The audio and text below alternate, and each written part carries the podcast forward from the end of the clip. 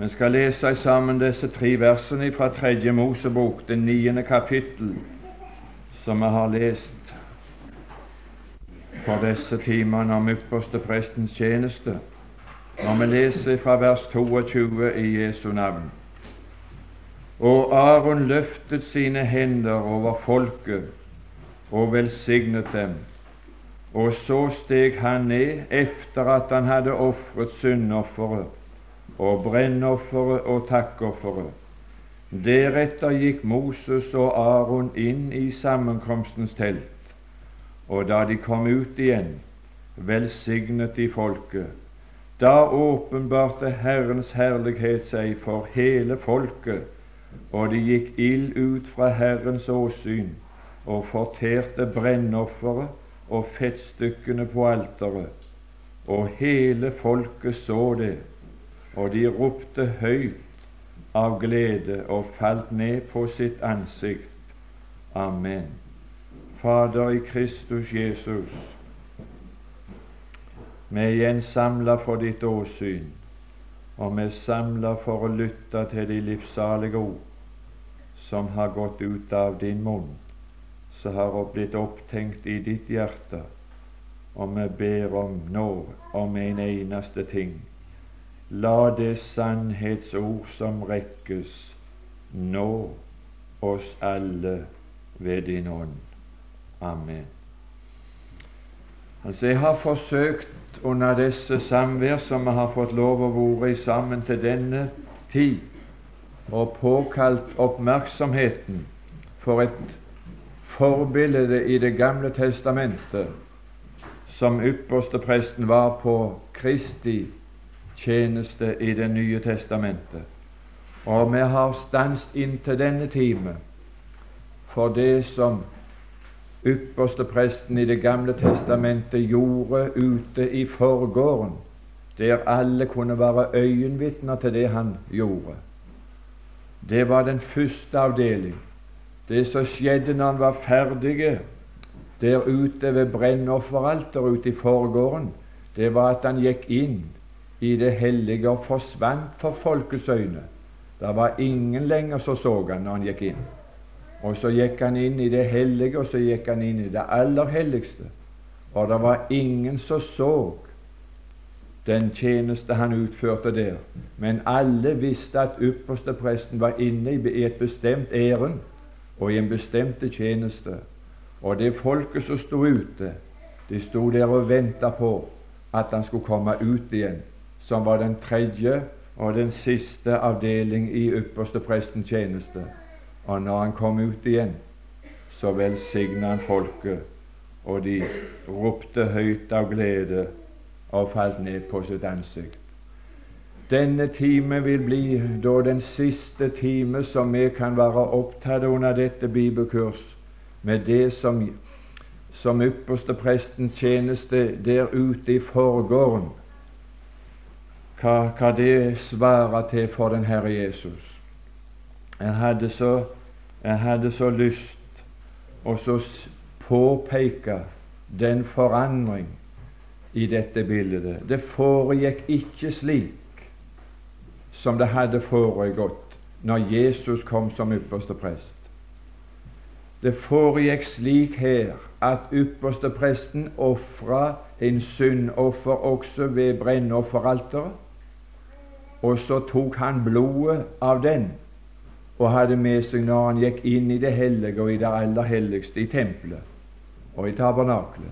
Men dyret som hadde ofra sitt blod, det ble båret utenfor leiren og brent opp.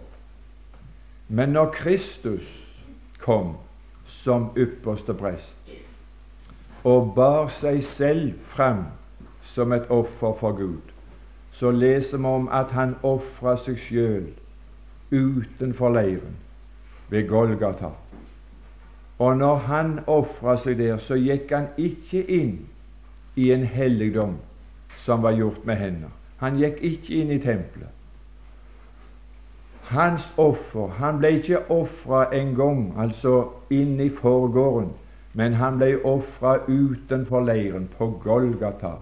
Det er det som svarer til den forgården. Hans tjeneste når han ofra seg sjøl, det var synlig for alle mennesker. Det var en tjeneste. Men når han steg ned ifra Golgata og hadde gitt Gud et offer som var av en slik art at det aldri skulle bringes noen flere offer til Gud, så steg ikke han ned ifra Golgata. Men det gjorde Aron. Han steg ned når han var ferdig med ofringen. Og så velsigna han folket. Men Jesus steg opp ifra Golgata, og så velsigna han folket. Og vi skal lese fra Lukas evangeliet, det 24. kapittel og det 50. vers. Og det er ikke alt som står i Bibelen som er et mønster, men Bibelen taler sant. Den taler sant om det som når noen gjør noe gale, og Bibelen taler sant når det er noen som handler rett. Og her står det noe i, i, i Lukas evangeliet, det 24. kapittel og det 50. vers. Og han førte dem ut, og Jesus førte dem ut. Dette var etter Golgata, dette var etter oppstandelsen. Og han førte dem ut imot Betania, og han løftet opp sine hender og velsignet dem. Det er som du leser nøyaktig som Aron gjorde. Når Jesus var ferdig med sine offer på Golgata, før han skulle gå inn og bli skjulte i helligdommen, så løftet han her opp sine hender, og så velsignet han dem. Og det skjedde da han velsignet dem, at han skiltes fra dem og ble opptatt til himmelen. Når Aron hadde velsigna folket, så skjedde det at Aron skiltes ifra folket og forsvant inn i det hellige og i det aller helligste. Men når Jesus hadde velsigna folket, så skjedde det at også han forsvant. Men han forsvant ikke inn i det hellige, i tempelet i Jerusalem, men han forsvant inn i den sanne helligdom, i den helligdom og i den tabernakel som Gud har reist, det sanne tabernakel, som befinner seg inne i, himmelen. Han gikk ikke inn i en helligdom som var gjort med hender, og bare var et bilde av den sanne, men han gikk inn i selve himmelen med sitt eget blod. Og så er han opptatt med en tjeneste der som vi skal fortsette våre bibeltimer med i morgen formiddag. Men i denne stund så ønsker vi å avslutte vår betraktning av Jesu ypperste prestelige tjeneste så kulminerte med en velsignelse just idet han skiltes ifra oss og forsvant inn i selve himmelen. Det siste bildet av Jesus, det er en Jesus som velsigner sitt folk.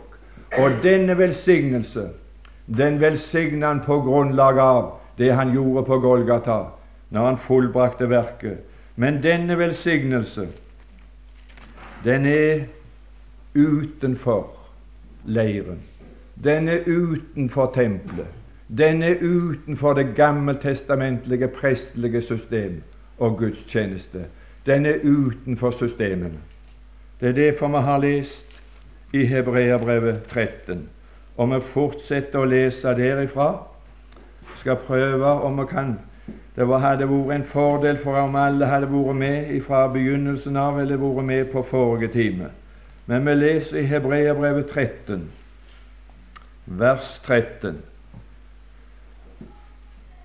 La oss da gå ut til ham utenfor leiren og bære hans vanære.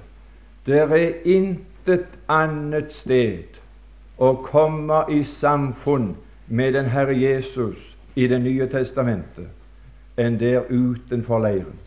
Skal du møte Gud, skal du møte Gud, så må du møte Kristus der på Golgata, der han er utenfor, der, er han, der, han, der han ble gjort til synd for oss, der han ble forkasta.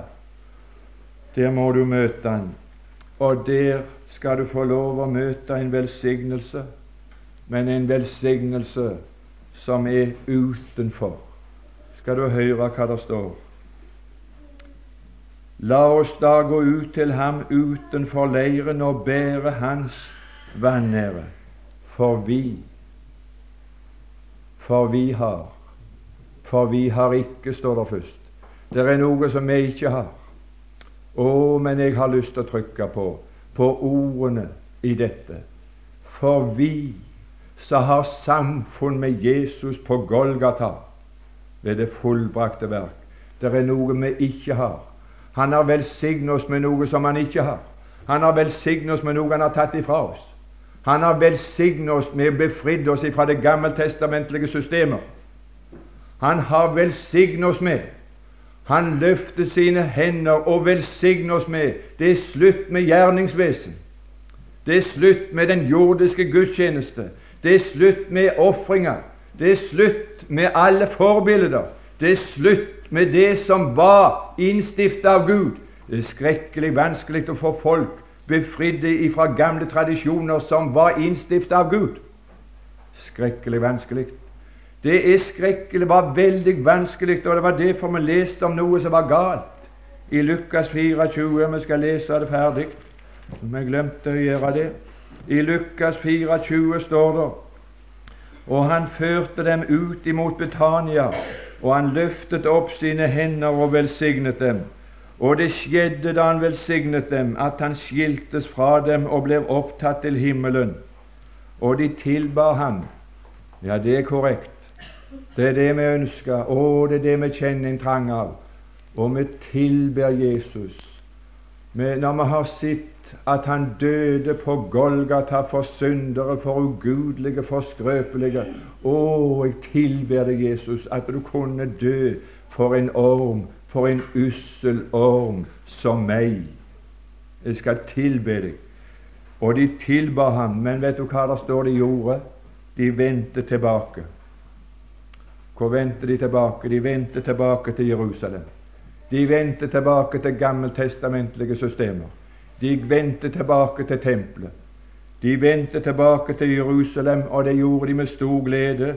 Og de var alltid i tempelet. Tenk om Gud hadde latt de være der. Bare tenk tanken.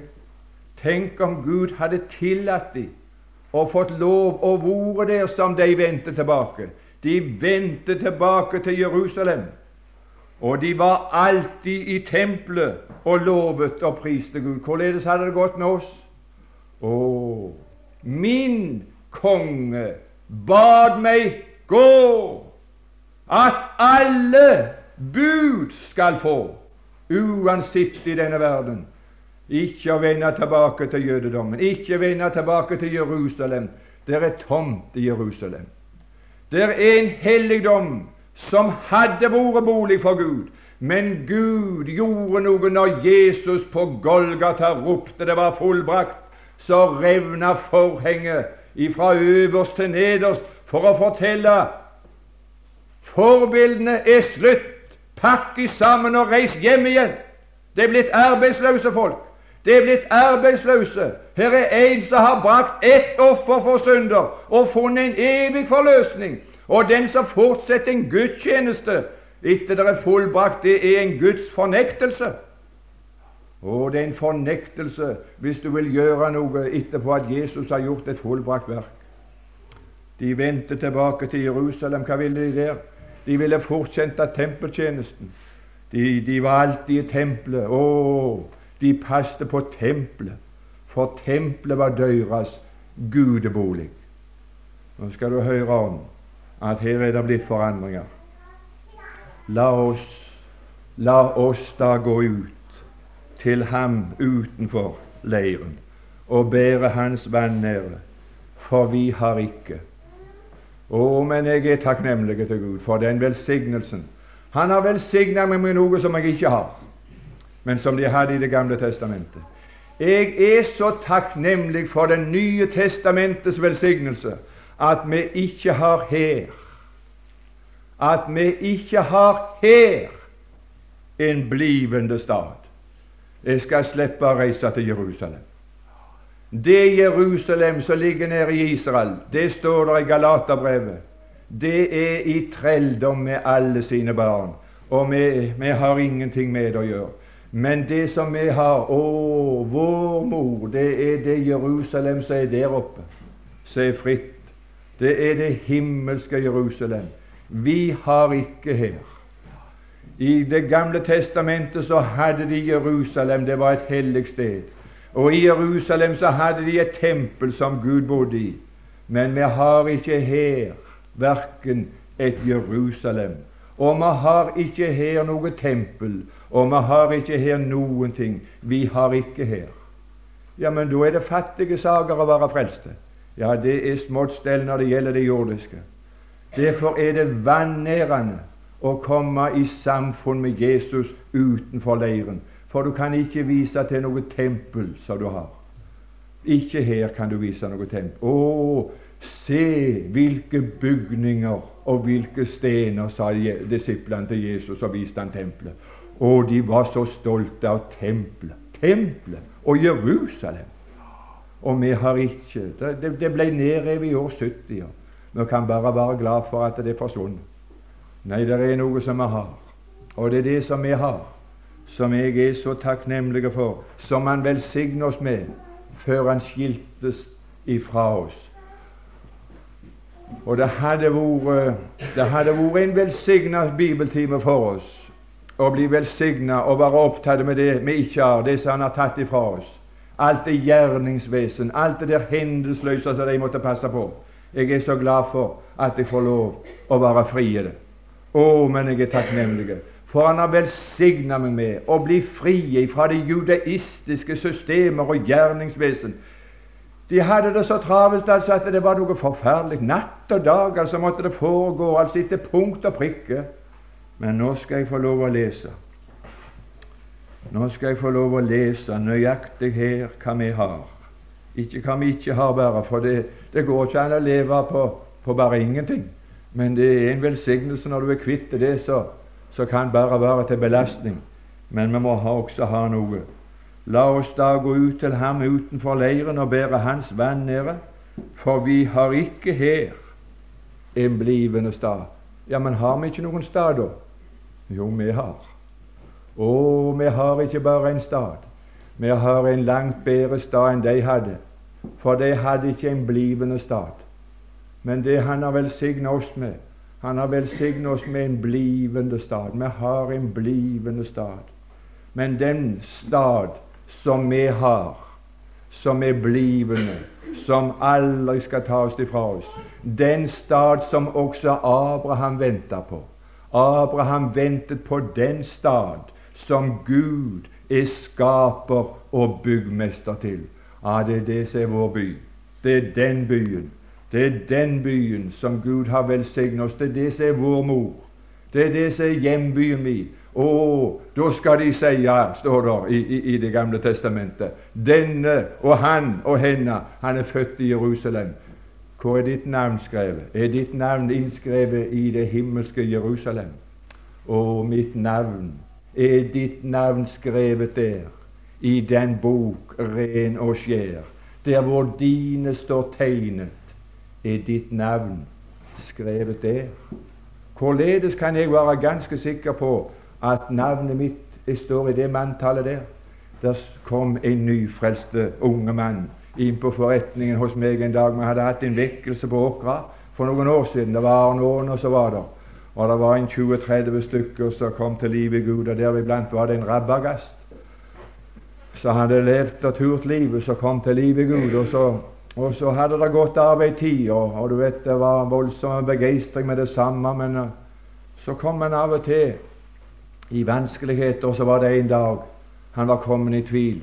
Jeg lurer på om mitt navn er skrevet i livsens bok. Og før jeg kan være sikker på det, sa han, så kan jeg ikke glede meg, for Jesus sa Gled eder ikke over dette eller hint, men gled eder over at eders navn er oppskrevet i himmelen. Hvordan skal jeg kunne glede meg? Jeg er ikke sikker på det. sa han. Hvordan kan jeg bli sikker på at navnet mitt er skrevet i livsens bok i himmelen? Kan du få hjelpe meg, Arnold? sa han midt i forretning, midt på stående fot.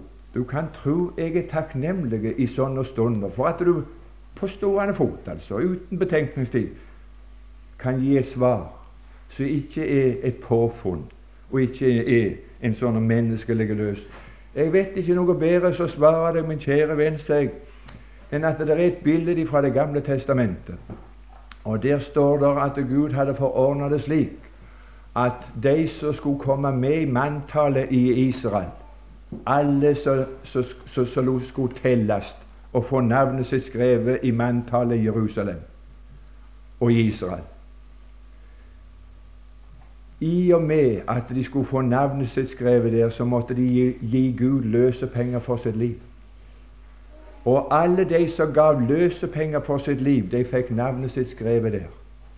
Det var løsepengene som gjorde at navnet ble skrevet i livsens bok. Så er det bare spørsmål om én ting, min gode venn, sa jeg til han. Har du tatt imot Jesus i den betydning at Jesus gav seg selv som en løsepenge? Har du brukt Jesus som en løsepenge som du har gitt Gud for ditt liv? Ja, det var det jeg hadde bruk for, sa han. Ja, da ble navnet ditt skrevet der. Alle de som gav Gud løsepenger, de fikk navnet sitt skrevet i manntallet. Å, det som gjør at jeg gleder meg over forvissningen over at mitt navn er skrevet der, det var at jeg en dag tok imot Jesus, og tok imot han som løsepenger. Og så gav jeg Kristus som løsepenger for mitt liv.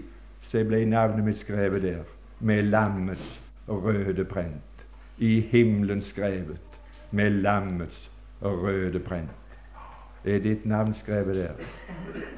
Ja, det er det som er min by. Det er, der jeg, det, er det som er min mor. Det er, det, det, det det som er mitt fødested.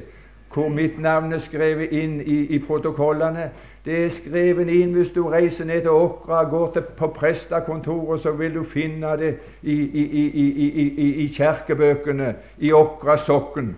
Der er Arnold Bjerkreim skrevet inn. Han ble født, han kom til denne verden på Åkra. Ja, den, ja, den 5. august i 1924 så kom han til verden i Åkra. Navnet kom inn i bøkene. Å, det var et navn som kom inn i bøkene. I himmelen så ble det innskrevet den dag jeg ga Gud løsepenger for mitt liv. Herlige land. Så, så, så det er bare én plass på jorda som er min hjemstand, så jeg har hjemstandsrett, og det er på Åkra. Ja. For jeg er født der. Navnet er skrevet der. Det som står i kirkebøkene, gir meg rett til å gjøre hva Jeg har hjemstandsrett der. Jeg er født der. Og det som gir meg hjemstandsrett i himmelen, det er det at Jerusalem er min mor. Jeg er født inn der. Jeg er skrevet inn der. Navnet mitt ble skrevet inn der når? Den dag jeg tok imot Jesus og gav Gud han løsepenger for mitt liv så ble mitt navn skrevet inn der. Så ble Jerusalem min mor. Ah, vi vandrer hjem. Jeg har et hjem. Jeg har et hjem, et rom i himmelens saler. Å, oh, men det er det Gud, det er det som Jesus velsigner oss med før Han skilte seg fra oss. Han gav oss ikke her en blivende stad. Men han gav oss en stad i himmelen som er blivende. Og det er ikke en fremmed, ukjent land, men det er det Å, når jeg kommer til himmelen Vet du hva jeg skal oppleve? Jeg skal ikke bare oppleve å komme fram, for det er én ting. Men du verden, det er forskjell på å komme fram og komme hjem. Når jeg kommer fram til himmelen, så skal jeg oppleve når jeg kommer hjem. Det er den eneste plassen jeg skal føle meg riktig hjemme. Å, det er der jeg har hjemstandsrett. I himmelen. Det forstår da vi har ikke her Å, jeg misunner ikke jødene som hadde Jerusalem, om det var aldri så hellige by, den hellige staden, og alt det så de ble blanke i blikket når de bare tenkte på Jerusalem. Å, jeg misunner ikke jøder Jerusalem. Å, det nye Jerusalem. Jeg skal hjem. Jeg skal hjem. Ja, ja, jeg kan ikke si det bedre, men det er det, det, det han har velsignet oss med. Og før han skiltes fra oss, så har det vært lest gjentatte ganger her, men jeg vet ikke om det går opp for deg.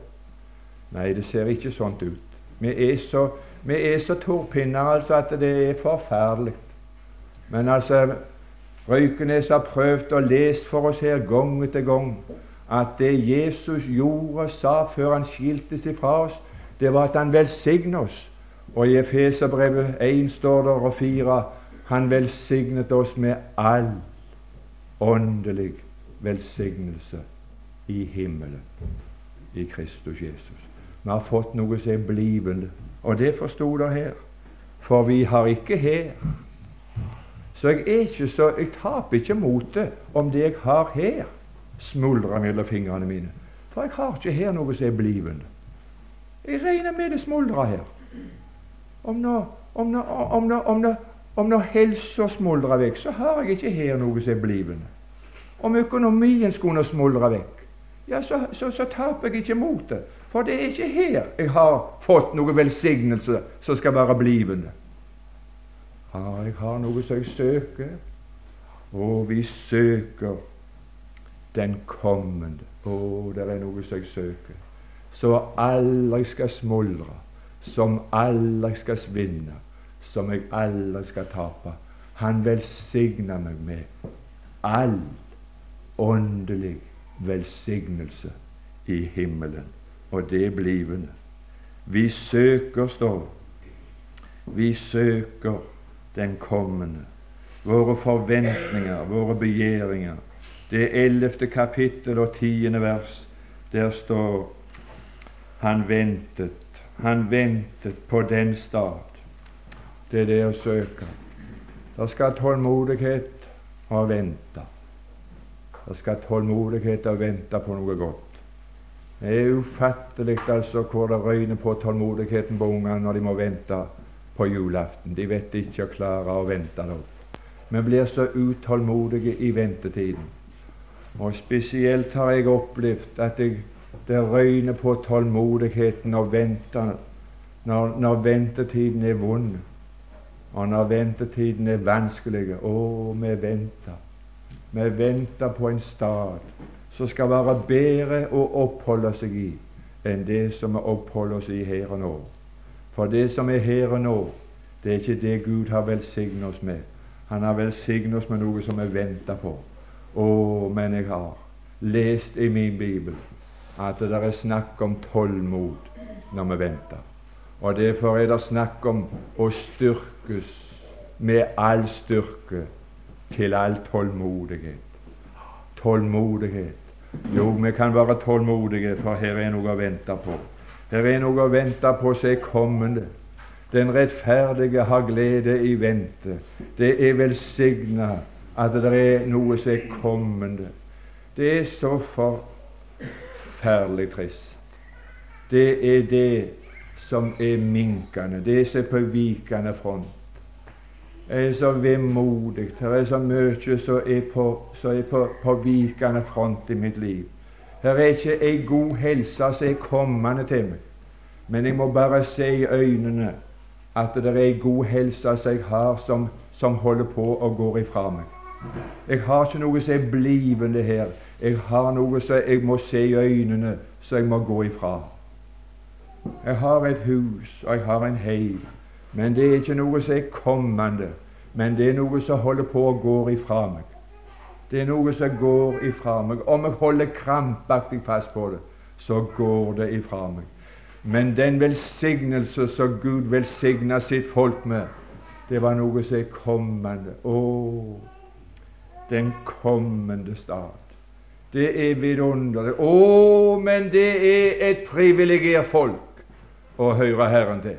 Å, men det er et liv i overflod i Ånden. Du kan love og prise Gud og fryde deg i din ånd, selv om ditt legeme måtte være i den tilstand som apostelen Paulus og Silas var, når ryggen var hudfletta av piskeslag, og de var kasta inn i det innerste fangerom i Filippi fengsel så sang de ikke klagesanger, men de sang Gud lovsanger. Og jeg kunne godt tenke meg at hadde de kunnet en på norsk, så hadde Paulus sagt Silas, nå stemmer vi i en duett. Og den duetten, det, det må bli den der nå, Silas. Snart er vi hjemme og står for tronen. Hva gjør det da om solen har oss brent? Når hytten faller, så får vi kronen, og alt elende er så der med en Å, men det er vidunderlig å høre Herren til. Å, det er vidunderlig. Jeg er på reise her, og det i fremmed land. Mitt hjem er langt herfra. Men det, det, det, det vekker en takknemlighet til Herren at himmelen er mitt hjem. Nei, nå må jeg få lov å lese, du store makkel, om å kunne få lov å lese det inn i de sjel. Hebreerbrevet tiende kapittel. Hebreerbrevet tiende kapittel og det 34. vers. For også fangene hadde dere medunk med og fant dere med glede i at deres gods ble røvet, da dere visste, da dere visste å, men dette er fundamentale sannheter for å kunne ha frimodighet. Da dere visste at dere selv hadde, hadde, hadde en bedre og blivende eiendom. Å, men den som er velsigna av Jesus på grunnlag av Golgata-verket, han er velsigna med noe som man vet er blivende. Å, da dette budskap jeg forsto, i floden sank jeg ned og frelse fant. Ja, det er én ting. Men hvor lenge skal det vare? Hvor lenge varer det? Og frelse fant i Jesu blod, som varer. Tenk dere noe som varer. Hvor lenge varer det? Som evig varer ved. Tenk, han har fått velsigna meg med noe som er blivende. Og han har velsigna meg med noe blivende som jeg er viss på, da dere visste at dere hadde en bedre og blivende eiendom. Denne vissheten, denne sikkerheten, denne tryggheten og overbevisning om at vi har noe blivende. Det er det som er i stand til å gi oss styrke til å finne oss i å bli berøvet her i denne verden. For den velsignelse som Han har velsigna oss med, det er ikke her. Så vi taper ingen velsignelse om vi blir bestjålne her, om vi blir ribba her. Vi taper ingen det er ingen tegn på at du er mye velsigna av Gud om du er rik. Det er ikke noe tegn på at de er velsigna av Gud fordi det er rikfolk. Da måtte det være trist å være fattigfolk. Måtte være, Gud måtte være knepen med deg. Å nei, min venn, Guds velsignelse utenfor leiren, den er like for alle. Han har velsigna oss alle med all åndelig velsignelse. Her er bare rikfolk. Her er bare rikfolk. Her er bare et velstandsliv hos Gud. Her er ikke fattigfolk. Her finnes det ikke noen fattige blant Guds barn, for han har velsigna alle likt. Han tok alle, han velsigna folket, og han velsigna folket, hver enkelt, med all åndelig velsignelse i himmelen. Og om du trodde disse ordene av Jesus, at han har velsigna deg. Vet du hva resultatet ville bli? Du ville falle på ditt ansikt og tilbe. Hva skal jeg be deg om, Jesus, du som har gitt meg alt? Hva skal jeg finne på å be deg om? Du som har gitt meg alt. Du har gitt meg ikke bare så vidt, men du har gitt meg et liv og liv i overflod. Et liv, et liv i overflod. Jeg mangler ingenting. Jeg har ikke bare nok til, til livets opphold for meg og for mine. Men vet du hva? Han har velsignet oss så, så overstrømmende at vi er istandsatt til å gjøre godt. Til å gjøre godt. Han har gitt deg så mye velsignelser at at, det, at, det, at, du klarer aldri å, å, å, å få bruk for det sjøl. Han har, han har velsigna deg så rikelig at du, han har istandsatt deg til å være et menneske som kan gjøre godt sånn som Gud gjør godt, for han er så rik. Og så kan du dele med andre. Og så skal du oppleve at til mer du deler med andre av det Gud har gitt deg, så blir du ikke fattigere, du blir rikere ved å dele. Ja, Til mer de delte ut, til mer hadde de igjen. Det er det sværeste. Når de skulle prøve å dele ut disse fem brødene og, og, og, og fiskene, så, så, så, så, ble det jo tolv korger igjen. De hadde jo altså et kolossale marakkelse til overflod når de var ferdige med utdeling, og 5000 hadde, hadde etter foruten kvinner og barn. Så du vet, de måtte jo gå ut og så lete etter masse med folk igjen for å bli av med resten, for det var overflod. Det bare bobla over. Å, han har velsignet oss. Han har velsignet oss, så at her er det nok til meg. Jeg er så takknemlig at jeg kan ikke få si det, at jeg ikke er i selskap med de kloke jomfruene. Ja, altså, jeg er jo glad for at jeg ikke er i selskap med de dårlige, selvsagt. Men jeg er glad for at jeg ikke er i den stilling som de kloke var i på den situasjonen som det står om i Matteus. For det står at de kloke måtte si det blir ikke nok. Det vi, det vi har, det er ikke nok til oss og dere. Jeg er i den privilegerte stilling når jeg står her, og vil opplyse deg om at du er i samme privilegerte stilling som er velsignet av den Herre Jesus så lenge det er nådens dag. At du har nok både for din egen del og du har fått så mye i overflod at du kan gjøre godt og dele med andre, og du skal aldri lide mangel på noen ting. Det er nok både for deg og for andre. Å, måtte vi dele med andre. Måtte vi fortelle om Jesus, at hvem som helst kan bli frelst som til Gud seg vender. Å nei, jeg kan ikke få sagt det. Jeg kan ikke få sagt det, men jeg må, jeg må få prøve å ta deg med til første Peters brev noe vi ikke har, men så er det noe vi har, noe som vi prøver her under dette bibelkurs. I, det, i, i, I, Jerusalem der var det et gudshus, og de kunne se med øynene sine. Det var et gudshus som var bygd opp av steiner, og det kaltes Guds hus. Det var Guds tempel og Gud. Gud hadde utvalgt Jerusalem og utvalgt tempelet til å bo i. Men jeg skal si det ble lagt øde før, når, når, Gud flyttet ut. så ble det lagt øde. Men nå har ikke vi her noe hus. Vi har ikke her noe jordisk hus. Vi har ikke her i denne verden noe Guds hus i det hele tatt som er blivende.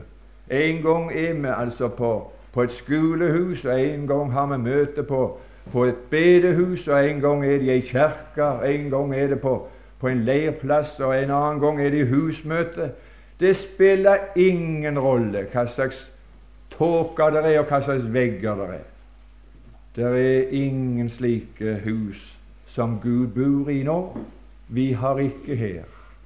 Vi har ikke her et hus som Gud bor i på denne jord, på denne måten, som kan sees. Men her har vi i 1. Peters brev og det andre kapittel så står det Kom til ham, den levende sten, som ble forkastet av mennesker, men er utvalgt og kostelig for Gud, og bli også dere oppbygget som levende stener til et åndelig hus. Det er det Gud bor i i dag. Han bor i et åndelig hus. Henrik Røykenes som er bibelskolelærer i Bergen, husfar der nede, han har gitt oss disse vidunderlige bibeltimer at menigheten er Kristi legeme, og Kristi legeme er et tempel for Den hellige ånd.